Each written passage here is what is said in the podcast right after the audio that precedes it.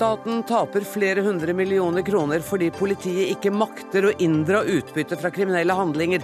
Riksadvokaten ber etaten skjerpe seg. Miljøvernministeren trosser faglige råd og vil tillate oljeomlasting på islagt fjord i Finnmark.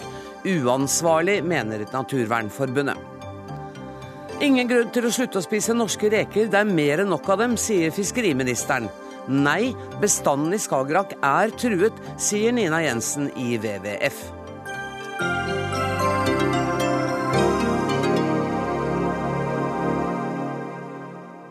Dette er Dagsnytt 18. Vi starter sendinga i dag med nyheten om at et passasjerfly fra Malaysian Airlines skal være skutt ned over Ukraina. Flyet var på vei fra Amsterdam til Kuala Lumpur da det styrtet. Og hva mer vet du om dette, utenriksmedarbeider Vegard Kjørholm? Det vi vet nå, er at det var 295 personer om bord. Eh, og en eh, offisiell talsperson for ukrainske styresmakter sier nå at alle de 280 passasjerene og de 15 tilsatte eh, er omkomne. Den samme talspersonen sier òg at flyet har blitt skutt ned. Men det er foreløpig usikkert og uklart hvem som, hvem som, står bak den nedskytinga. Flyet skal aldri ha endra russisk luftrom. og som det var planlagt å gjøre, og det ble funnet eh, styrta på bakken i Øst-Ukraina. På videoer som allerede er lagt ut på YouTube, så kan vi se eh, det som angivelig skal være svart røyk ifra dette flyet. Har vi fått bekreftet at det er skutt ned? Altså én talsperson for Ukraina som har sagt dette. Er det flere bekreftede kilder på dette? Eh, Nyhetsbyrået Interfax melder om det samme. Om de har samme kilder, det vet vi lite om. Så, så foreløpig er det, er det den kilden vi har. Når skjedde dette? Dette skjedde, De første meldingene kom eh, rundt halv seks norsk tid. Ehm, hvorfor mener man at dette er eh, skutt ned? Hva, er det noen indikasjoner på dette? Eh, den siste tida har det vært mye voldshandlinger i Øst-Ukraina. Og flere ukrainske militære transportfly har blitt skutt ned. Det har vi sett bilde av. Ukraina mener at det er prorussiske separatister som står bak de nedskytingene. Eh, og de beskylder også Russland for å ha en finger med i spillet eh, og ha bidratt til disse, nedskytingene. Senest for en halvtime siden så, så sa den russiske FN-ambassadøren at dette virkelig ikke er tilfellet, og Russland har benekta, nekta for dette flere ganger. Tusen takk skal du ha, Vegard Kjørom. Vi følger selvfølgelig denne saken videre.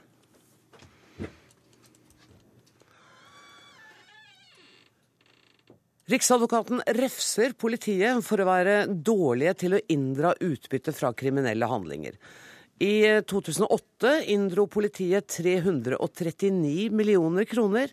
I fjor var det bare 81 millioner kroner som ble inndratt. Harald Strand, førstestatsadvokat hos Riksadvokaten. Hva, hva skyldes dette? Det kan være ganske sammensatt. Det kan ikke som, du komme litt nærmere mikrofonen? Det skal jeg gjøre. Det kan være ganske sammensatt. Eh, men så jeg først vil si at det vi ser, er at det i årevis, år etter år, har vært forventninger, eh, ikke bare fra vårt kontor, men fra storting og regjering, om at politiet må bli flinkere, inndra mer utbytte. Og det vi konstaterer, er at en ganske statisk situasjon, selv om vi går flere år tilbake i tid. Det varierer en del fra år til år, men, men samlet sett så har det skjedd svært lite akkurat på dette området. Og det til tross for at Riksadvokaten også år etter år har påpekt det samme? Det, det er riktig. Det vi reiser spørsmål ved, uten å konkludere, er om eh, det vi nå det er felles forståelse om at det er, en, det er press på etterforskningssituasjonen i politiet. Og det er mulig at dette er en del av forklaringen. At det er for få etterforskere? For få eh, etterforskere, eh, ja. Uh, man, har dere satt i verk andre tiltak enn å se på om det kan være press på etterforskningen som gjør det? Eh, vi har, vi har, drøftet denne situasjonen generelt i politiet med Politidirektoratet. Eh, det meste av oppfølgingen vil ligge i, i, eh, direktoratets ansvarsområde. Det er de som er arbeidsgivere, og det er de som sitter med pengesekken. Eh, vi skal ha noen felles prosjekt med direktoratet hvor man skal ut og uh, oppsøke og finne best practice for en del uh, politidistrikter for å formidle det videre. Det er rent generelt, men det vil jo også kunne gjelde spørsmål om å være mer effektive når det gjelder inndragning. Vi har selvfølgelig invitert Politidirektoratet til å være til stede her. De hadde ikke anledning til å, å komme. Men Riksadvokaten skriver jo igjen i brevet at det er altså slik at det ikke skal lønne seg å begå kriminelle handlinger.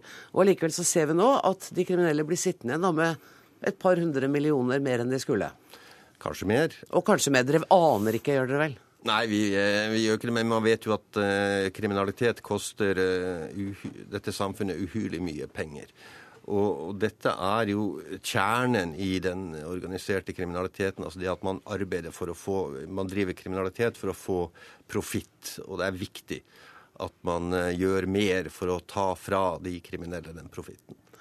Men når ingenting skjer, eller snarere tvert imot, eh, altså utviklingen går i gæren retning, føler dere dere litt eh, maktesløse hos Riksadvokaten?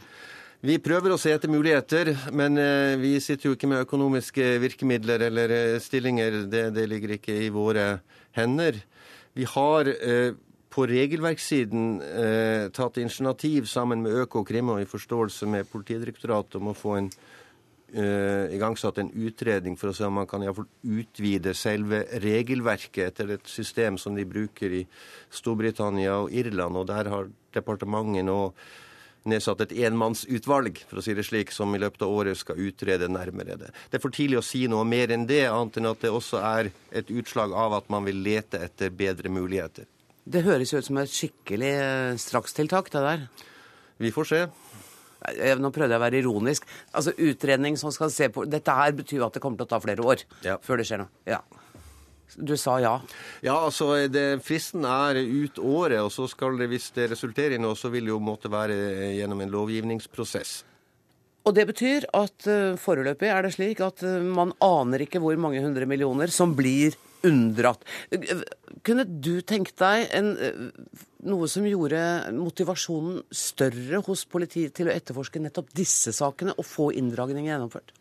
Ja, altså, Vi er jo kjent med det, eh, det, det som vi nå Du vet hva som kommer, ja. ja. Spørsmålet om politiet skulle beholde mer uh, av disse pengene, om det vil være et insentiv for, for, å gjøre mer. Det er jo vi har noen foreløpige tanker rundt det, hvis jeg forsiktig får formidle det, uten å ville gå inn i en kriminalpolitisk debatt. Og det er at også det i tilfelle vil måtte kreve en betydelig utredning. Det vil ikke kunne være noe strakstiltak, for det er både en del prinsipielle sider ved det, og en del praktiske sider ved det. Det prinsipielle er jo det noe betenkelig ved at politiet og påtalemyndigheten skal ha en økonomisk interesse i utfallet av en sak. Ikke minst det. Eh, det reiser altså spørsmål rundt eh, Vil kunne reise spørsmål rundt objektiviteten. Og så er det eh, litt sånn lotteri og bingo. For det ene året så vil man kunne få store utslag, og det andre året veldig små. En sak i Oslo for noen år siden der var altså inndragning i et sakskompleks over 100 millioner kroner, eh, som et eksempel på det. Ja, Hårek Elvenes, stortingsrepresentant for Høyre og medlem av justiskomiteen. Du syns nettopp at politiet burde kunne bruke disse pengene? Ja, og Det vi ser, det er jo at det som man i utgangspunktet trodde på som et kraftfullt eh, kriminalpolitisk virkemiddel, det, det fungerer ikke. Det brukes ikke. Og vi vet jo det at det er en sammenheng mellom gevinsten og motivasjonen for å begå eh, økonomisk kriminalitet. Og får du ikke tatt gevinsten, så får du antagelig heller ikke bekjempet økonomisk kriminalitet. Og Det er også et, ressurs, et, ressursspørsmål i politiet, om man har ressurser til å gjøre det arbeidet, nettopp å få inn eh, det økonomiske utbyttet. Det har jo statsadvokaten nettopp ja, sagt at det har de ikke. Dette er ingen ny problemstilling. Hvis vi går tilbake til 1990, 1998, så er Justisdepartementet helt klar overfor politiet at økonomisk utbytte skal som hovedregel inndras. Eh, og det får man ikke til. Nei, og, og Hva syns du man skal gjøre da? Ja, eh, min, min, tanke er da at man Eh, kan skape et insentiv ved at eh, politiet får beholde som etat eh, og det er viktig å merke seg, får beholde som etat en del av den økonomiske gevinsten som man i dag ikke klarer å dra inn. Og Dette er en ordning som man praktiserer både i USA og England og får til å fungere. Det er, det er mulig at det finnes byråkratiske og lovmessige beskrankninger mot dette i dag, men ønsker man en forandring, så kan man også forandre loven. Trygve Slagsvold Vedum, du er leder i Senterpartiet. Hva syns du om forslaget om at politiet kan beholde de inndragne pengene som etat? Det er prinsipielt helt feil at altså, man skal lage et sånt system. La oss tenke hva slags insentiver det faktisk gir. Altså, vi vet Noen av de vanskeligste sakene i dag å oppklare, det er f.eks. familievoldssaker. Som er komplekse, det er vanskelig, krever masse ressurser å gå inn i. Og Hvis du da skal sitte på et politikammer og si nei, nå kan vi få en økonomisk gevinst, at vi oppklarer denne lokale bilsvindelen nede i gata, eh, få inn ressurser til politietaten, mens hvis vi da oppklarer familievoldssaken, som eh, er kjempeviktig, så får vi ikke noen økonomisk gevinst. Sånn kan vi ikke ha det. Og jeg syns det er rart at Høyre mener at vi på absolutt alle samfunnsområder så er det liksom den menneskelige drivkraften er å få mest mulig profitt. Jeg tror ikke det er sånn. Jeg tror politifolk er solide, skikkelige folk som ønsker å oppklare saker. Og jeg tror ikke det er sånn at politiet i mitt hjemfylke Hedmark gjør noe bedre jobb hvis de skal få liksom en eh, økonomisk gevinst hvis vi løser den type saker. Jeg mener det er en gæren måte å tenke samfunnsstyring på. Vi bør ha tillit til politifolk, men vi må ha tydelig politisk styring, og det er det som vi bør diskutere, ikke å innføre nye fiksfakserier. Elvenes.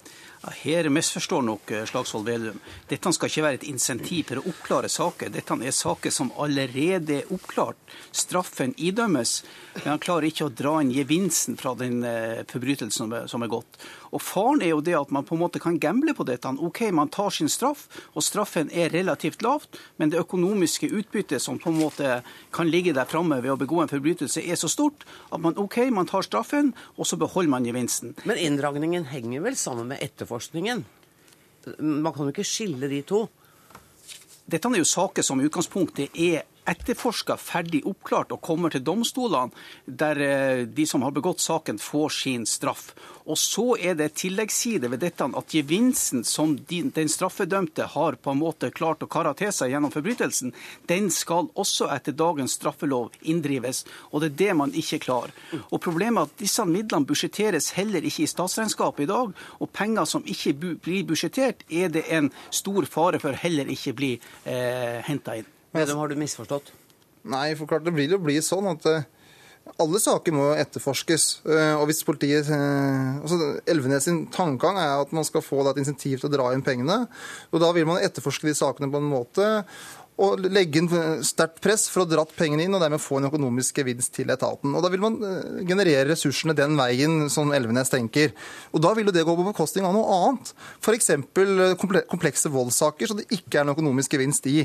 Og da må jo da, Hvis Høyre faktisk mener alvor, jeg tror ikke de gjør det, så må man jo lage system med en pris på alle forbrytelser. At hvis du oppklarer en voldtektssak, så får du en sånn bonus. Oppklarer dere en eh, familievoldssak, så får du en sånn bonus. Og Sånn kan vi ikke ha det. Vi må ha en politietat som jobber jobber ut fra politifaglige prinsipper, drar inn midlene. Det er vi helt enige om. Men, men de gjør jo ikke det. det nei, jo, vi vet jo ikke hvor mange hundre millioner som står ute blant kriminelle, og som ikke kommer oss til gode. Ja, men Da må vi ta tak i det. Ikke begynne å innføre markedssystem i politisystemet og tro at det skal løse alt. Altså Markedsøkonomien løser hvordan du og jeg skal gå og kjøpe oss en bil, og så ser vi på to biler, og den ene er finere enn den andre, og så kjøper vi den. Men jeg tror ikke vi skal bruke markedsøkonomien som prinsipp for hvordan politiet skal bruke sine ressurser. Det tror jeg er helt feil. Det er jo en politisk styring. Du må ikke blande, markedsøkonomien inn i dette. Spørsmålet er, Mener du at den bestemmelsen som i dag ligger i straffeloven, skal forbli en sovende bestemmelse som ikke skal, skal benyttes? Jeg mener at det er et politisk ansvar, og da er det Eh, både vi som styrte før, dere som styrer nå, vi må gå inn og si det her, eh, vi ser det så, at det er et så stort problem at de midlene ikke blir inndrevet. og da må vi styre, da må vi. I den rød-grønne regjeringens økonomiske handlingsplan med økonomisk kriminalitet har dette vært prioritert på ja. papiret. Resultatene er omtrent tilnærmet null. Statsadvokaten sitter bare og smiler litt av dere nå. Jeg er i ferd med å gjøre det samme. Jeg må i hvert fall sette strek og takke dere hjertelig for at dere kom. Statsadvokat Harald Strand, Hårek Elvenes fra Høyre og Trygve Slagsvold Vedum fra Senterpartiet. Dagsnytt 18 alle hverdager klokka 18. På NRK P2 og NRK2.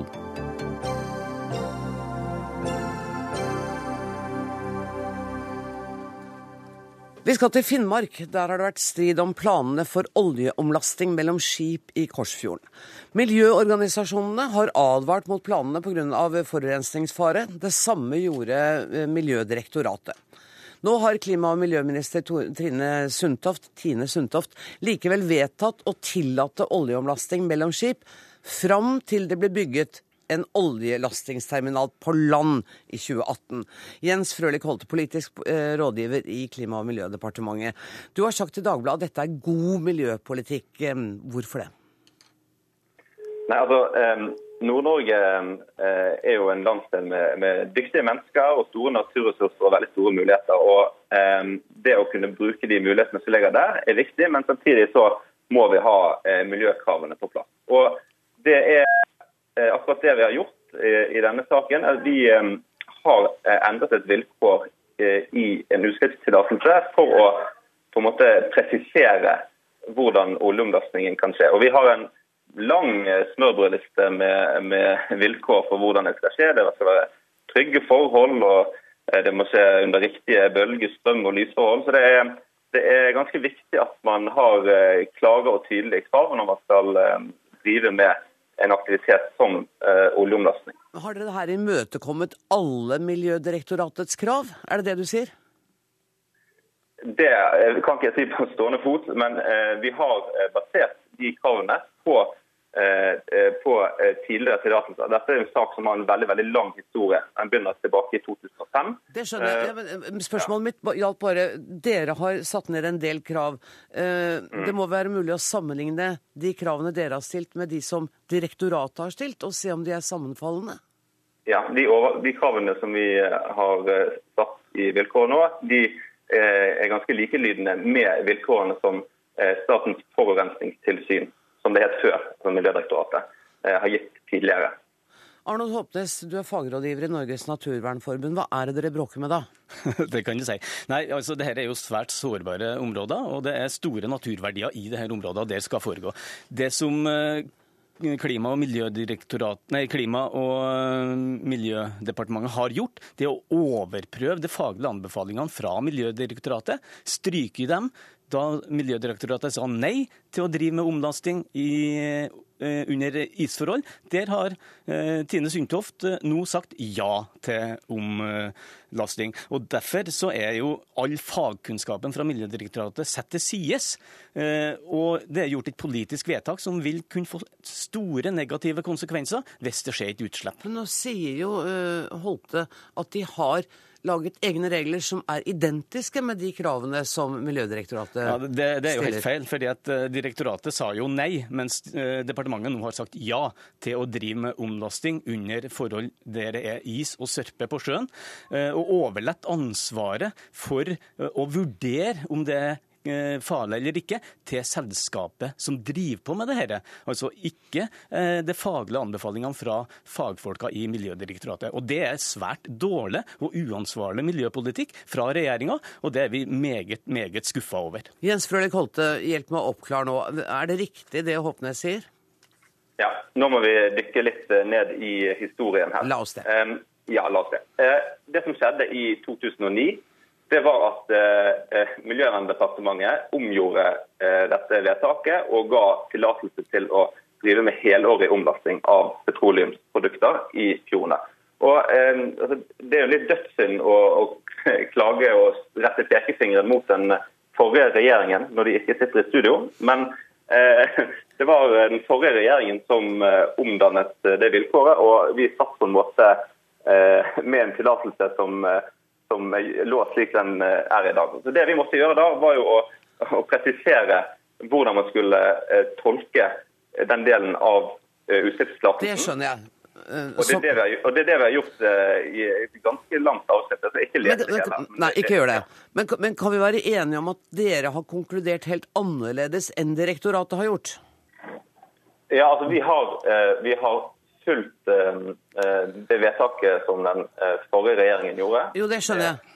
Ja, slik at, slik at, det ligger Jo, men vi har jo Vi har ordlyden fra de tidligere tillatelsene har vi da tatt inn i vilkåret, slik at eh, slik at det er ganske spesifisert hvilke miljøkrav det skal være. Og så bare en, en lite, eh, et, en lite eh, Når det er selskapet som skal kontrollere det, så er det klart at, eh, at eh, vår presisering gir jo selskapet mye større ansvar, og de har jo en enorm egeninteresse eh, av å drive miljømessig forsvarlig. Og det er klart at det er, eh, det er sårbare områder. Eh, og Det er derfor det er viktig eh, for oss at de kravene er så tydelige, og at ansvaret er så klart. Ok, nå er det gjort. Ja, altså Miljødirektoratet sa jo nei til å drive med den typen omlasting som regjeringa nå har sagt ja til, fordi det er så store naturverdier i dette området. Det er en nasjonal laksefjord med flere store, viktige lakseelver. Det er massevis av fuglearter som bruker fjorden både som overvintringsområde og som uh, område der de ligger på sjøen og skifter fjær, når de er, og da er de ikke flyvedyktige. Og det er masse dykkender. 14 rødlista arter i dette området. Det er reindriftsinteresser i dette området. Og det sa Miljødirektoratet, det er så tunge faglige argument at vi skal ikke drive med oljeomlasting når isforholdene er så, øh, sånn og sånn. Det har regjeringa nå oversett og tillater dermed den typen omlastning i en øh, meget viktig naturområde med svært vanskelige forhold. Og det som folk lurer på er, eh, og jeg vet at hva svaret ditt blir, har risikoen for en oljeulykke i dette området nå blitt større etter dette vedtaket? Risikoen har blitt større, og konsekvensene, ikke minst hvis det skal skje et uhell, blir mye mye større. fordi at hvis du får olje i is, så har vi ikke oljevernberedskapsutstyr til å, til å ta opp det her eh, sølet. Så både miljøfaglige argumenter, olje, olje, eh, naturmangfoldlov og vanndirektiv er argument mot å drive med denne aktiviteten her. Holte. Ja, altså eh, Vi har jo presisert at selskapet ikke kan drive med omlasting hvis det øker faren for forurensning eller at det vil påvirke en forurensningsaksjon negativt. Altså, det at vi eh, gir tillatelsen, eh, fører også til at selskapet får veldig strenge krav om oljevernberedskap. Eh, og Det er klart at eh, det vi ser nå i nordområdene, er at det blir økt skipstrafikk. Det blir økt aktivitet kanskje i, i Nordøstpassasjen og i områdene ved Russland. Og, og det å ha eh, oljevern eh, på plass, slik en eh, slik tillatelse stiller krav om, eh, er det slett ikke negativt for regionen og eh, altså, miljøberedskapen i regionen som helhet. Så, er så, ved, ved, å stille, ved, å stille disse, ved å stille disse kravene, så, eh, så har det en regional effekt også. Holte, vi er nødt til å sette strek her. Jeg beklager. Tusen takk okay. for at dere kom, Jens Frulik Holte og Arnold Håpnes.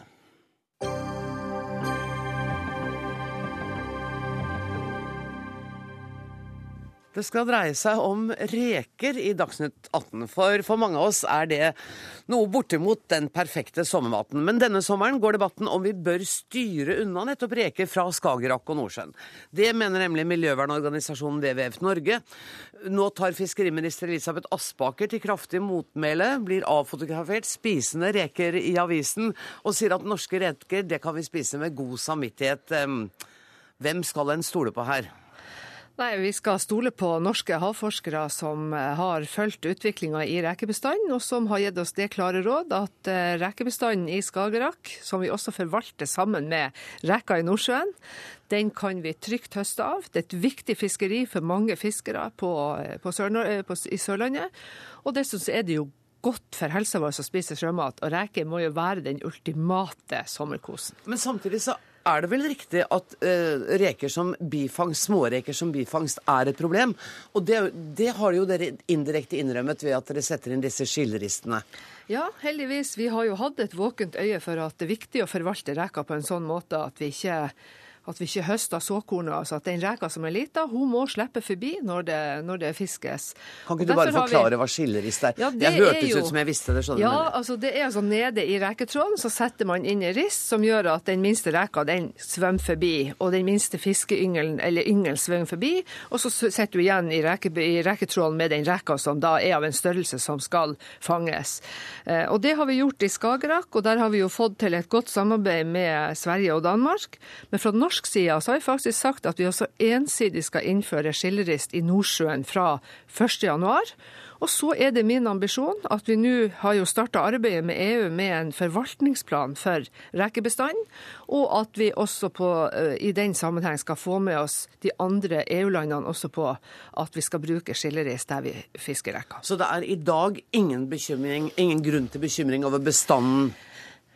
Ja, altså De rådene som er kommet fra ICES, de har jo sagt at den langsiktige bestanden vi skal kunne høste på, den er ca. 10 000 tonn. Og så har de sagt at men, når de ga rådet til oss i fjor høst, så sa de at men de så en del litt skumle skyer i horisonten og mente at vi skulle fiske 6000 tonn. Vi fastsatte kvoter i mars i år, og da hadde altså vi nye, eh, hadde vi nye forskningsdata som gjorde at vi mente at det var forsvarlig å sette en kvote på 9500 tonn. Nina Jensen, generalsekretær i naturvernorganisasjonen WWF Norge, og dessuten er du marinbiolog. Du sitter sikkert og hopper på stolen og venter på å komme til.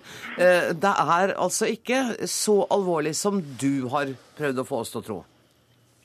Altså, jeg tror eh, fiskeriministeren og jeg er enig i veldig mye. Eh, og hun påpeker jo en del av de utfordringene som vi også er veldig opptatt av i det hun sier. For det første så viser jo fra de internasjonale havforskerne, som fiskeriministeren også refererer til, at rekebestanden er eh, svekket og at fiskedødeligheten øker. Som følge av det så har jo eh, de samme forskerne halvert kvoterådene fra i fjor til i år. Når eh, fiskeriministeren og hennes nordiske kolleger da likevel velger å sette kvotene nesten 75 over hva forskerne anbefaler, ja, så mener ikke vi det er forsvarlig. Koblet med det så har vi sett at de siste årene så har det vært en tredobling av utkast av småreker. Småreker er altså helt avgjørende for å sikre god rekruttering til fiske, og ikke minst sørge for at eh, vi kan ta ut eh, potensielt betydelig mer fra rekefiske. Og dette vil både fiskerne og havmiljøet tjene på. I tillegg, Kystvakta har i inneværende år anmeldt fire eh, norske reketrålere for ulovlig dumping. Dette er altså alvorlig miljøkriminalitet. Det er forbudt, eh, og Kystvakta har måttet gå til anmeldelse. Det siste punktet jeg vil ta opp, er eh, bifangst. Fordi i reketrålen så tas det også betydelig bifangst av eh, kysttorsk. Og Ledende havforskere ved Havforskningsinstituttet sier altså at bifangst i reketrålen er en av hovedutfordringene for at den truede kysttorsken skal komme seg tilbake igjen. Du, Nå var det veldig mange poenger her. Nå må nesten Aspaker få lov å svare på noe av det. Jeg tror ikke du kan ta det punkt for punkt, statsråd. Nei, eh, men la meg understreke at jeg ser også med største alvor på eh, det som eventuelt skjer av ulovlig utkast. Det må vi til bunns i, og jeg er enig med Nina Jensen i at det er forhold som når Kystvakta avdekker det, så må det følges opp eh, og anmeldes, og det må komme reaksjoner på det så eh, er jeg fortsatt uenig med Nina Jensen i beskrivelsen av hvordan tilstanden er for, eh, norske, for de rekebestandene vi fisker på. Eh, de forskerne som jeg møtte på Flødeviken forleden dag på Sørlandet, de var veldig klare og tydelige på at de siste reketoktene som er gjort, det viser at det er nye, sterke årsklasser på gang for reker.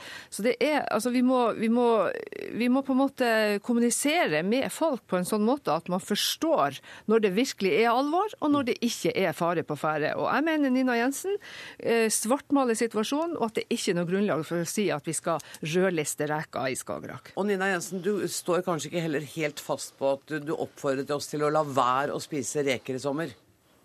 Nei, det finnes masse gode rekevalg eh, på menyen. Man kan f.eks.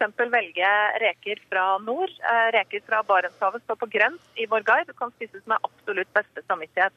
Så jeg nyter reker sommeren igjennom, men jeg velger bevisst det som er det beste valget. Men du svartmaler, sier eh, statsråden.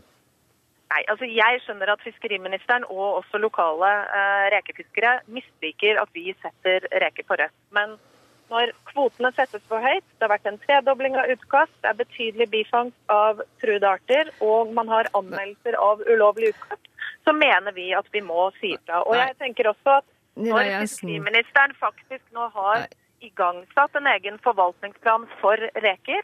Og man også gjennomfører forsøk med eh, å sette inn eh, forbedret sorteringsrist i rekefisket. Ja, så understreker dette at alt er ikke rosenrødt i, i rekefisket. Nei, okay. men det er, heller ikke, det er heller ikke rett å si at det er masse trua arter som da, som da øh, kommer med i dette fisket som er av reke. Jeg Jeg har tror det er ikke en mis... sagt masse trua arter, Ja, men det det er, er- det er en misforståelse. Vi har jo gått fra Havforskningsinstituttet. Ja, men vi har jo gått gjennom og sett på hva det er slags arter vi har i dette området. Og jeg har også lyst til å si at uh, de båtene som, som fisker på reker, de som tar omtrent 90% av rekefangstene, de gjør store deler av sin fangst utenfor denne eh, fire, fire nautiske mil. Jeg er Så- nødt til å sette strek der. Og så tror jeg bare vi må oppfordre folk til å liksom bruke sitt eget eh, vett og forstand, og så får de spise eller ikke spise reker. Jeg skal ikke legge meg opp i det. Tusen takk til Nina Jensen og til Elisabeth Aspaker.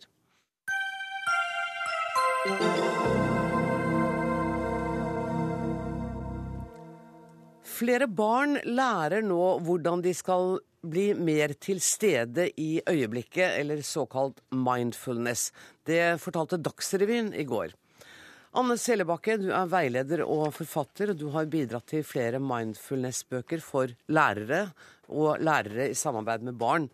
Eh, Hvorfor bør barn lære denne teknikken? Eh, Da må jeg først oppklare en misforståelse. Ok. Det, det handler ikke om teknikk, det er bare en liten del av det. Det handler mer om verdier. Det handler om kvaliteter som, som er viktige i samværet mellom mennesker. Eh, Sånn at mindfulness i møte med barn og unge handler først og fremst om hvordan de voksne er til stede i møte med barna. Og betydningen det har for barns utvikling og trivsel og vekst og utvikling.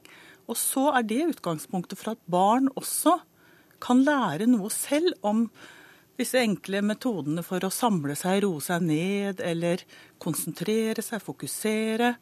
Og forholde seg også mer ordentlig til hverandre. For det er praktiske øvelser også, ikke sant? Ja, det er det. Gi et eksempel. Ja, f.eks. akkurat her nå så kan det være en enkel øvelse som handler om at bare kjenn at du er her. Merk kontakten med stolen der du sitter. Kjenn hvordan du har plassert kroppen. Og merk hvordan du har det akkurat nå. En sånn enkel pause er veldig, viser seg å ha veldig stor verdi for barn, f.eks. i skolen. Ved skift av aktiviteter når det handler om å roe seg ned, når det handler om å gjøre seg klar for å samle seg og konsentrere seg. Hadde det ikke vært nok For dette er vel unger helt ned i grunnskolen? eller Helt ned i barnehage, barnehage. faktisk. Mm -hmm. som får masse påvirkning, og de har iPader og Mhm. iPhoner og alt. Kunne det ikke vært en metode å bare ta fra dem en del av disse tekniske utstyret, og så gi dem en bok? Jo, men eh, barn gjør jo ikke som vi sier, de gjør som vi gjør. Og vi voksne er jo modellene. Og vi voksne sitter jo fanga i våre iPader og iPhoner hele tiden. Så derfor må vi være modeller. Og, og jeg tenker at de, gjør, de er jo ikke alltid under overvåkning av voksne, så det handler om å lære dem hvordan de kan Betydningen av å ta pauser. Og stoppe opp og legge ting fra seg litt og hente seg inn igjen litt og ha fokus på noe annet. Katarina Cecilia Williams, du er eh, psykologspesialist ved Oslo universitetssykehus. Eh, Hvordan, eh, hva syns du om dette? Altså, Mitt utgangspunkt eh, i denne sammenhengen eh, har vært knyttet til mindfulness som industri. Eh, mindfulness har sitt utspring i en buddhistisk meditasjonsteknikk, eller eh, øvelse. Eh, og eh, er jo ikke noe nytt i det hele tatt. Det har jo vært adoptert av mange miljøer i de vestlige land i mange tiår. Det som er nytt, det er at man i de senere par tiår har funnet at man skal forske på dette. Altså eh, vise at dette har eh, vitenskapelig effekt, altså effekt på forskjellige problemstillinger. Eh, og dette har jo gitt, eh, etter min mening, grunnlag for en enorm eh, industri. Og nå retter man seg inn mot barn. Men gjør det noe? Hvis det virker med jeg. hvis ungene blir mer harmoniske, mer empatiske, mer til stede i eget liv? Altså, jeg tenker at samfunnet vårt er eh, Nå har jo jeg også to små barn i, i, i småbarnsskolen. Og jeg tenker at vi foreldre vi eh, har så mye vi, vi skal gjøre, og nå skal vi mindful eh, øve med de i tillegg. Eh, og jeg, jeg tenker at eh, Det er sikkert ikke skadelig men, eh, i seg selv, men jeg tenker at det er uttrykk for en, en trend som, som jeg uh, syns er eh, uheldig. Og, og jeg sliter litt med å forstå at barn skulle trenge det. Eh, fordi barn er 100 til stede i sin egen kropp og i sitt eh, univers. Så der står jeg vel. Sellebakke, hva sier du til det? Eh, jo, det er jeg helt enig med Katrine på at det er en, klart barn er de mest nærværende menneskene på denne jorda, og vi har alle vært der. Men hvor blir det av det? Hvor blir det av dette nærværet, disse naturlige, denne naturlige kapasiteten for tilstedeværelse og vennlighet og godhet som, som er så tydelig i små barn? Og, og, sånn som De settes under press nå, med høye krav til prestasjoner, med veldig forventning til utseende og og med veldig stort press på det sosiale eh, feltet gjennom digitale medier, så er dette en, en, kvalitet, en verdi, som er under veldig press for oss alle sammen, og som gir seg spesielt utslag for barn og unge. Så du avviser den kommersielle og industrielle siden ved mindfulness-aspektet? Den siden ser jeg absolutt, og jeg er helt enig med deg i at det er urovekkende. Og det er, det er eh, fortvilende for oss som forsøker å jobbe seriøst med det, har vært opptatt av det egentlig i mange år. Og at, vi, at det nå heter mindfulness. Vi prøver å kalle det oppmerksomt nærvær jeg og mine kolleger på norsk og finne et godt norsk ord for det. For det er jo kvaliteter vi har og verdier vi har ønsket å sette på dagsorden lenge, som har fått en veldig kommet i vinden nå med mindfulness-bølgen. Trenger alle foreldre og unger eh, litt instruksjon i hva sa du, konsentrert nærvær? Oppmerksomt, Oppmerksomt nærvær. nærvær. Uh, nei, jeg tenker at mange klarer å beholde kontakten med denne naturlige kapasiteten i seg, og har sine naturlige måter å finne pauser og pusterom i naturen f.eks. ved å ta seg fri, ved å kutte ut nett og telefoner, ved å ha mindre aktiviteter i ferien f.eks. Men det er, det er, så mange pauser som nå er borte. Mm. Sånn at den naturlige Eh, vekslingen mellom aktivitet og hvile er veldig under press for mange nå. Og den må vi lære, mener du, eh, Katarina Cecilie Williams. Eh, ser du ikke at det har noen gode sider? Blir du litt fristet til å kjøpe en av disse bøkene allikevel? jeg har ikke lyst til å snakke om disse bøkene spesielt, fordi det er mindfulness-industrien som, som, jeg har problematisert. Um, og de problemstillingene som du reiser om, om, veksling mellom hvile og press på ditt og datt altså, Jeg er veldig usikker på om det er mindfulness som er eh, løsningen på disse problemene. Jeg ser vel egentlig på denne mindfulness-industrien som en del av nettopp hele det problemet. Men det at barn eh, ved pedagoger eller foreldre kan få opplæring i dette, kan det skade?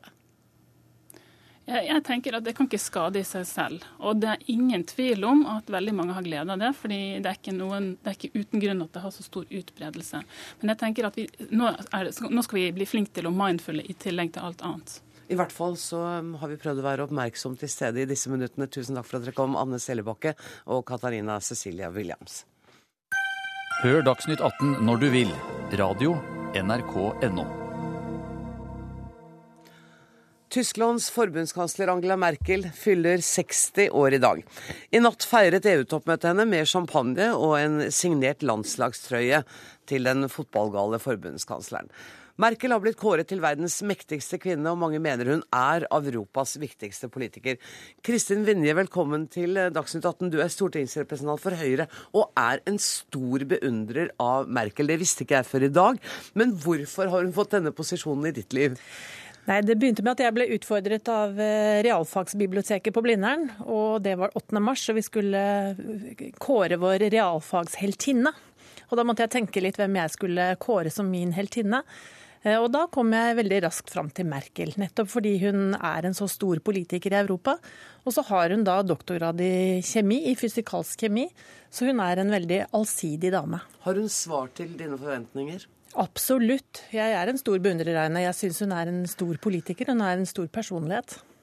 Nils Morten Udgaard, tidligere Tyskland-korrespondent, tidligere også utenriksredaktør i Aftenposten. Du skriver ingen ville spådd at en ujålete prestedatter fra det kommunistiske DDR skulle føre Tyskland inn i posisjonen som Europas mektigste stat. Hvordan har hun klart å gjøre det? Vel, Hun har vært veldig pragmatisk. og Det er jo da det betyr jo bare at hun, hun, tilpasser seg en virkelighet. Hun er ikke en som kommer inn i politikken med veldig klare meninger om at sånn må vi forme en fremtid, og med full av ideologiske eh, veivisere. Men hun er en som tar dagens problemer, en dags problemer om gangen, og forsøker å løse dem med skal vi si, naturforskerens eh, problemløsningsmetode, nemlig at du, at du vurderer for og imot eh, veldig systematisk, lite følelser, og, og trekker en konklusjon om hva som er mest sannsynlig.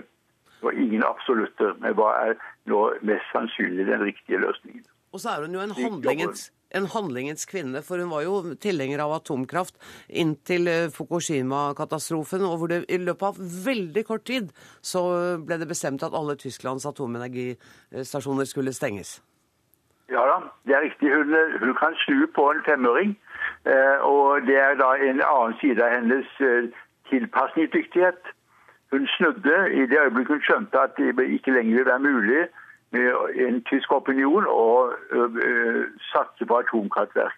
Hun har innført en uh, kvinnekvote. Hun har innført minstelønn. Og hun har innført uh, Hun har avskaffet verneplikten, Gjort mange ting i Tyskland veldig raskt som andre trodde ikke var mulig å få til.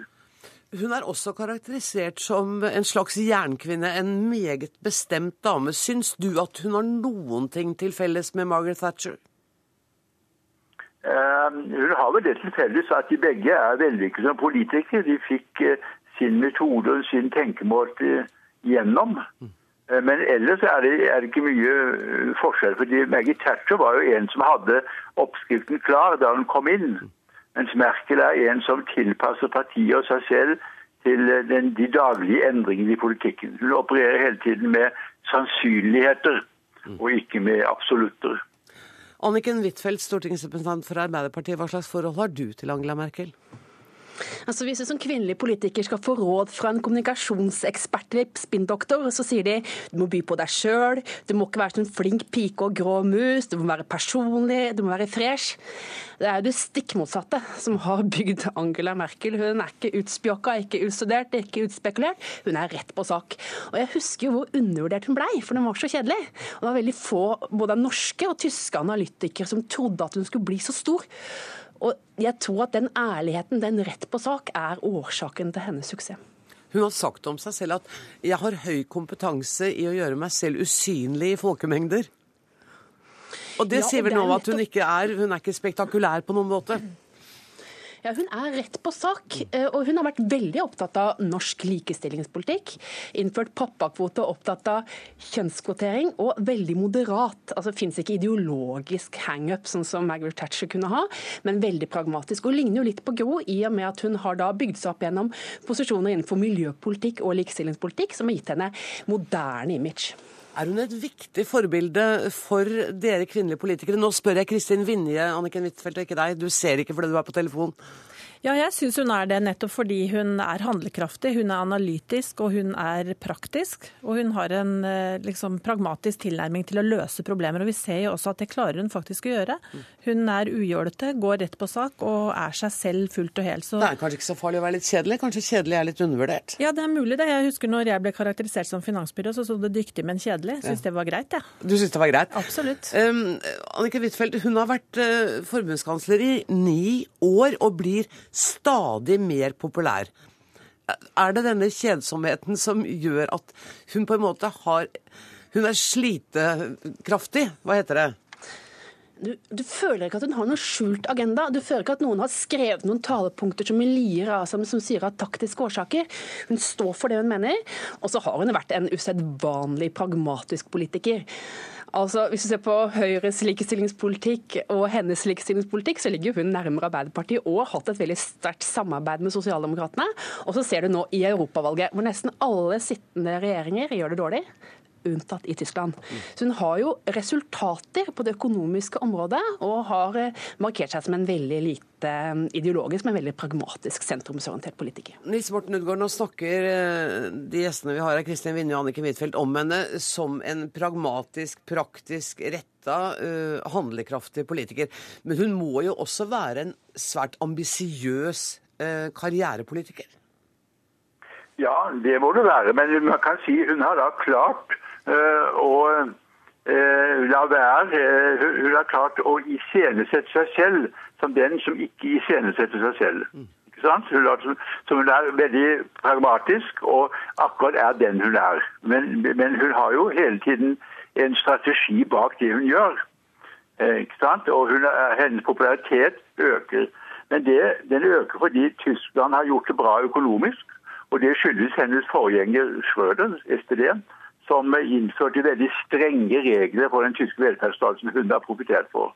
Og så har hun ført en, også en pragmatisk politikk når det gjelder eh, Europa, euroen. Og nå igjen er hun da den ledende politiker når det gjelder hvordan europeerne skal reagere på Ukraina og Putin. Så hun sitter med alle tårene i sine hender og, og er da vellykket innen faget politikk. Anniken Huitfeldt, skal vi gratulere deg med dagen med å konstatere at uh, kanskje er det lurt både for kvinnelige og mannlige politikere å være mer direkte, tydeligere og mer pragmatisk, og ikke så opptatt av hva mediekonsulenter måtte si? Og at kvinnelige politikere også kan være saklige og litt kjedelige og få tyngde gjennom det. Det skal vi slå et slag for. Og så er jo hun vært en av de som har bidratt til at forholdet mellom norsk og tysk politikk har blitt stadig sterkere. Det er jeg sikker på at Kristin Winne og jeg er enige om. At for kanskje 15-20 år siden så så vi mest på hva som skjedde i Storbritannia. Nå tror jeg både Høyre og Arbeiderpartiet ser veldig til hva som skjer i Tyskland. Kristin Minje, slår du et slag for mer kjedelige politikere? Jeg slår i hvert fall et slag for den type politikere som Angela Merkel representerer. Jeg sier eh, tusen takk til eh, dere. Jeg er ikke helt sikker på om jeg er enig om det der med kjedelig, men takk for at dere var med, Nils Morten Udgaard, Kristin Vinje og Anniken Huitfeldt.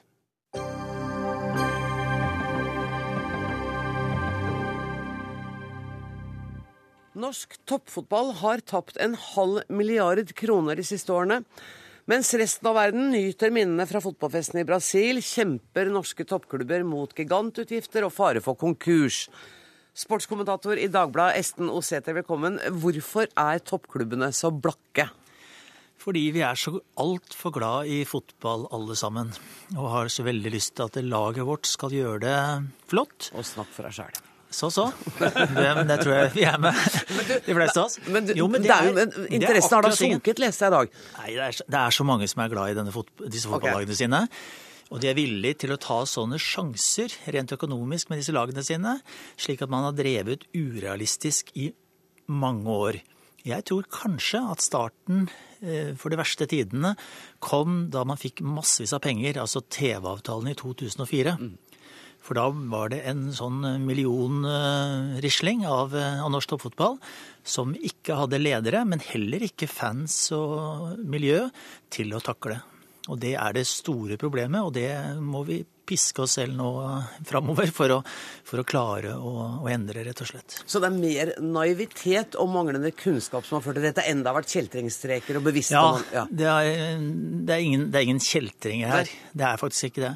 Bare litt naive? Ja, veldig naive. Og det er, det er, gutter stort sett. ikke sant? Det er gutter sånn som han som sitter ved siden av meg her, som, som er villige til å ta sjanser både med egne penger og andre sine penger. Og så blir det helt gærent. Ja, ja, da får du få ballen, da, styremedlem i Stabæk Fotball, Ingebrigt Stein Jensen. Hvor på en skala fra Nei da. Eh, men dere har vært naive og litt godtroende, kanskje? Det har vi helt sikkert vært. Eh, men som Esten sier, dette er jo gjort med, eh, av kjærlighet. Og det er, gjort, det er gjort for å glede en befolkning og for å glede fans. Og det er i veldig stor grad gjort for våre egne penger. Altså, dette har jo ikke kosta staten eller det norske folk fem flate øre. Det er det er disse såkalte rike onklene, som vi i dag skal omdøpe til loka lokalpatriotiske støttespillere. For rike onkler er et bedritent begrep på folk som går inn med egne penger for å dyrke, fot dyrke fotball. Det, det må, vi må holde opp med det. Ja, men uansett, Det er blitt borte en halv milliard kroner. Ja, og det er, det er de lokalpatriotiske støttespillerne og de som sitter i styret og de som er nært klubben, som nesten utelukkende har tapt de penga. Bagatelliserer du det ikke nå? Nei, nei det er ikke det er ikke bagatelliserer. Det er jo. bare å sette hvem, hvem er det som har tapt penga. Og, og, så skal man ta det på alvor. Men det, det, det er allerede blitt bedre. Det er allerede blitt mye bedre. Man har, redus... nei, man har redusert kostnadsnivået i, i norske klubber er redusert. Ikke så mye som dere har måttet gjøre i Dagbladet, riktignok, men ja. vi, der er det jo kutta helt eh, totalt til beinet. Men, men det, er, det er veldig mye lavere kostnader enn det var. Publikumstilstrømningen er på vei opp igjen. så Men klubben er, er helt i vater ennå, unnskyld meg. Nei, helt i vater er det ikke. Nei. Men det er, det er på vei mot vater. Og så er det, Sæther, nå må han og så er det veldig mye Ja, altså- unge, gode fotballspillere som dyrkes opp i egne klubber nå, så det er mye som er drita Det positivt. er veldig mye, men poenget er jo at det, du kommer ikke vater, og folk som deg kommer ikke i vater. Slik at For å få til dette her, så må fellesskapene på sett og vis klare å si stopp. Og Når du sier at det ikke er brukt andre sine penger, så er jo det også feil. Stort sett så er det private penger. Men det har vært inne en god del kommunestyrer som har fikset og trikset. Vi har jo en fra Hamar her som sikkert kan, kan fortelle litt om det. Eh, og det, det må jo de enkelte fellesskapene ta opp og ta på alvor og si at dere kan ikke drive fotball på denne måten. og det må det bli slutt på. ja. Og da har vi spilt eh, over til deg, Leif Øverland. Du er administrerende direktør i interesseorganisasjonen for Tippeligaen Norsk Toppfotball. Fortell, da. Ja. Hva er det som har skjedd i kommunen? Altså, jeg, jeg har jo lyst til å snakke om fremtiden, jeg, for jeg er ny i dette. Så jeg, jeg har jo vært supporter og vært på Briskeby mye, og jeg ser jo, ser jo hva som har skjedd. Og dessverre har det blitt færre publikum og pga. det som har skjedd. For det er som det blir sagt her, det er ikke bare private penger, det er også noen offentlige penger. Og når du driver med dugnad og vaffelsteking og alt i den lokale breddeklubb, og så ser du at uh, toppklubbene uh, tuller bort penga. Og også vært eh, ekstremt flinke til å reise til Afrika og få tak i noen spillere derfra, istedenfor å drive med egenutvikling. Ja, Har de vært for dårlige til det? Ja, etter min vurdering så har de mitt supporterblikk på det er, er det. Og jeg syns det var mye mye mer moro når Petter Vågan Moen fikk kontrakt med Brann og tok nattoget sammen med Tom Jacobsen til Bergen og skulle få kontrakt med storklubben Brann, enn at det var en eller annen afrikansk spiller som gjorde det bra på Briskeby. Jeg syns et øyeblikk tror- siden du sa du hadde lyst til å snakke om framtida. ja, men, ja, men, og dette er framtida for meg. Altså, okay. jeg, jeg drømmer om et Norge som tør å si at vi skal være verdensmestere på egenutvikling av spillere. Men hvem er det som er naiv nå? Det de kan som- godt hende det er meg, men jeg har spurt disse flinkeste folka i Fotballforbundet og hos oss i norsk toppfotball. Er det noe genetisk som kan gjøre at ikke vi kan bli verdens beste? Mm. Er det noe som gjør at en fra Hedmarken eller fra Stryn eller hvor de kommer fra Stort sett så kommer de jo ikke fra Oslo vest, de kommer jo fra ute i landet. Eh, at de ikke kan bli verdens beste, bli en Zlatan. Og da sier alle nei, det er mulig. Men det er hardt arbeid som skal til. De fleste har ikke det der utrolige talentet, men det er knallhardt arbeid, det er masse trening, og så må du ha gode lærere. Og Det så tror er jeg vi på. på vei, skjønner du. Vi er på vei, for det satses nå så utrolig mye mer Altså dels uh, mye, mye større andel av budsjettet, i hvert fall, og kanskje mye mer i, i reelle penger også, på talentutvikling enn det noensinne har vært gjort. Og uh, vi ser at uh, Tippeligaen nå uh, omfatter 15-åringer, 16-åringer, 17-åringer, 18-åringer som har gått gradene lokalt. Og det er helt åpenbart veien å gå. Og det har alle, nesten alle i hvert fall, norske toppklubber forstått. Men det, Esten, å se det, det, er ikke, det, er, det er jo ikke helt sant. Jo, det er helt sant, Jo, men du, det du, som, du som driver en veldig fin klubb, og jeg har veldig stor respekt og liker det ungdomsarbeidet dere gjør, men dere gjør noen valg når dere kommer tilbake til Tippeligaen nå, så, så kommer jo ikke dere opp med deres helt egne folk, og så går rett ned igjen. Da velger dere å hente inn med en eller annen type hjelp som ikke jeg klarer å få ordentlig oversikt over, så henter dere også spillere som skal stabilisere laget i Tippeligaen. Istedenfor å si at ja vel, så har ikke vi i Bærum nå anledning til å være i Tippeligaen. Vårt eh, naturlige sted er nå førstedivisjon noen år framover, så får det være bra nok. og de valgene, ja, men det er akkurat de Ja, valgene de som fra, fra sted til sted. Altså, jeg driver jo selv i en frivillig klubb. Vi er, vi er nest best i Oslo, men vi er ulønnete, ikke sant. Og jeg har gjort det valget at vi gjør dette for hyggens skyld, og gjør det for kameratskapets skyld. Og vi driver fotball på den gammeldagse måten i K5, som der hvor jeg driver. Og sånn type valg er faktisk en del av de store klubbene også nødt til å gjøre. Jeg syns faktisk at det nesten var best jeg, den gangen Rosenborg var det eneste laget som hadde kapasitet og tok alle spillerne. På sett og vis så ble det ryddigere i norsk fotball, og vi fikk kanskje en bedre fotball. Og det var gøyere kanskje å se det. Men du er enig med Øverland, for det er det som jeg oppfatter at både Øverland og du sier, er at da må vi ha litt tålmodighet. For Ja, vi må, vi må ha mye dyrke- tålmodighet. Ja, nettopp.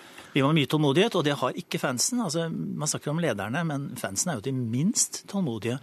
Og de, da blir typer som er entusiastiske og flotte, sånn som Ingebrigt, blir presset, og så tar man snarveier, og så går man på trynet. Eh, Det det er en det er en veldig vakker tanke. Jeg har jo levd i dette sjøl, akkurat som deg, ikke sant? Med, med, med, dugnad og frivillighet, og den lever så til de grader fremdeles.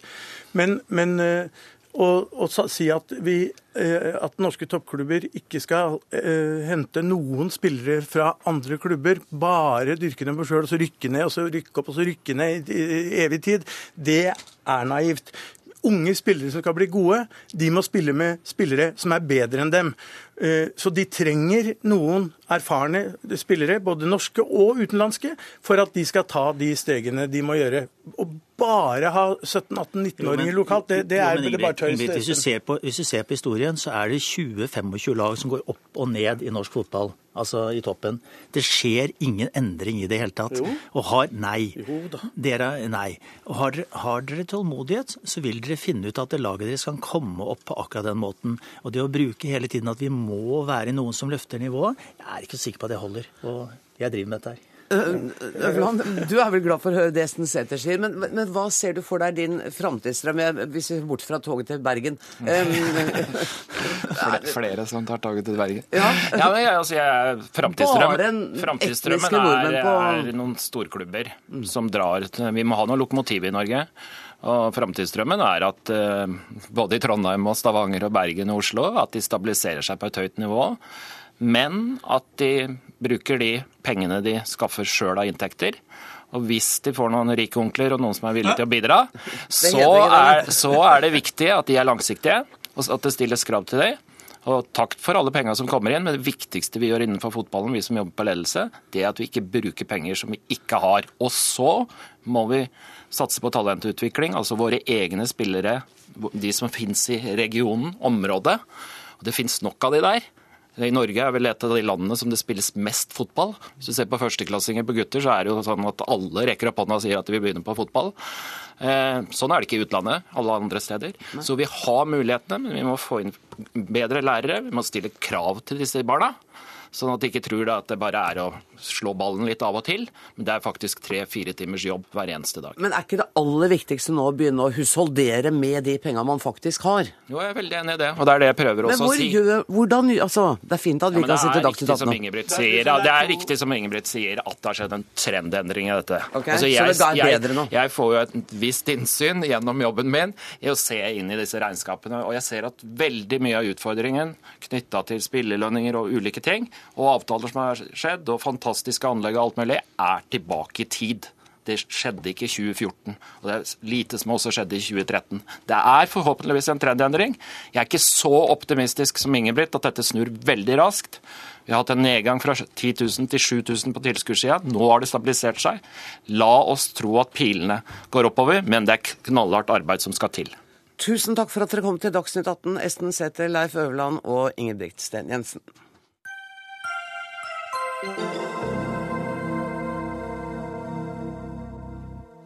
Vi skal tilbake til flynedskytingen som vi hørte om i begynnelsen av sendingen. Et malaysisk passasjerfly på vei fra Amsterdam til Malaysia skal altså være skutt ned over Øst-Ukraina.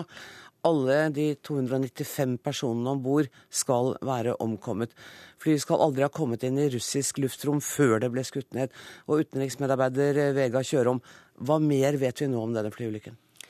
Eh, det vi vet nå, er at uh, ukrainske og prorussere har uttalt seg om det som har skjedd. Uh, en leder for de prorussiske separatistene i Øst-Ukraina han skylder på Ukraina og sier at det var ukrainske styrker som, som skjøt ned dette flyet. Mens Ukrainas nye statsminister Petro Porosjenko han har sagt at han ikke utelukker at flyet har blitt skutt ned, men han nekter for at ukrainske styrker har noe med dette å gjøre. Så vi vet rett og slett ikke? Nei, vi vet rett og slett ikke. Det er den samme tralten som vi har hørt før ifra, ifra disse krigende partene. Vil det bli satt i gang en gransking av dette? Det vil det, eh, i alle fall om vi skal tro eh, Ukrainas statsminister og òg Malaysias statsminister, som har sagt at eh, dette må granskes. Vet vi noe om når man mistet kontakten med flyet? Eh, det ble mista kontakten før det nådde russisk luftrom. Det har òg Malaysian Airlines sagt. Eh, dette skal være rundt eh, klokka halv seks. Det var det vi rakk om flyulykken i Ukraina. Tusen takk skal du ha, Vegard Kjørom, som er utenriksansvarlig her i kveld. Helt til slutt skal jeg bare nevne at ansvarlig for Dagsnytt 18 i dag var Alf Hartken. Det tekniske ansvaret har Lisbeth Sellereite. Jeg heter Anne Grosvold. Takk for nå.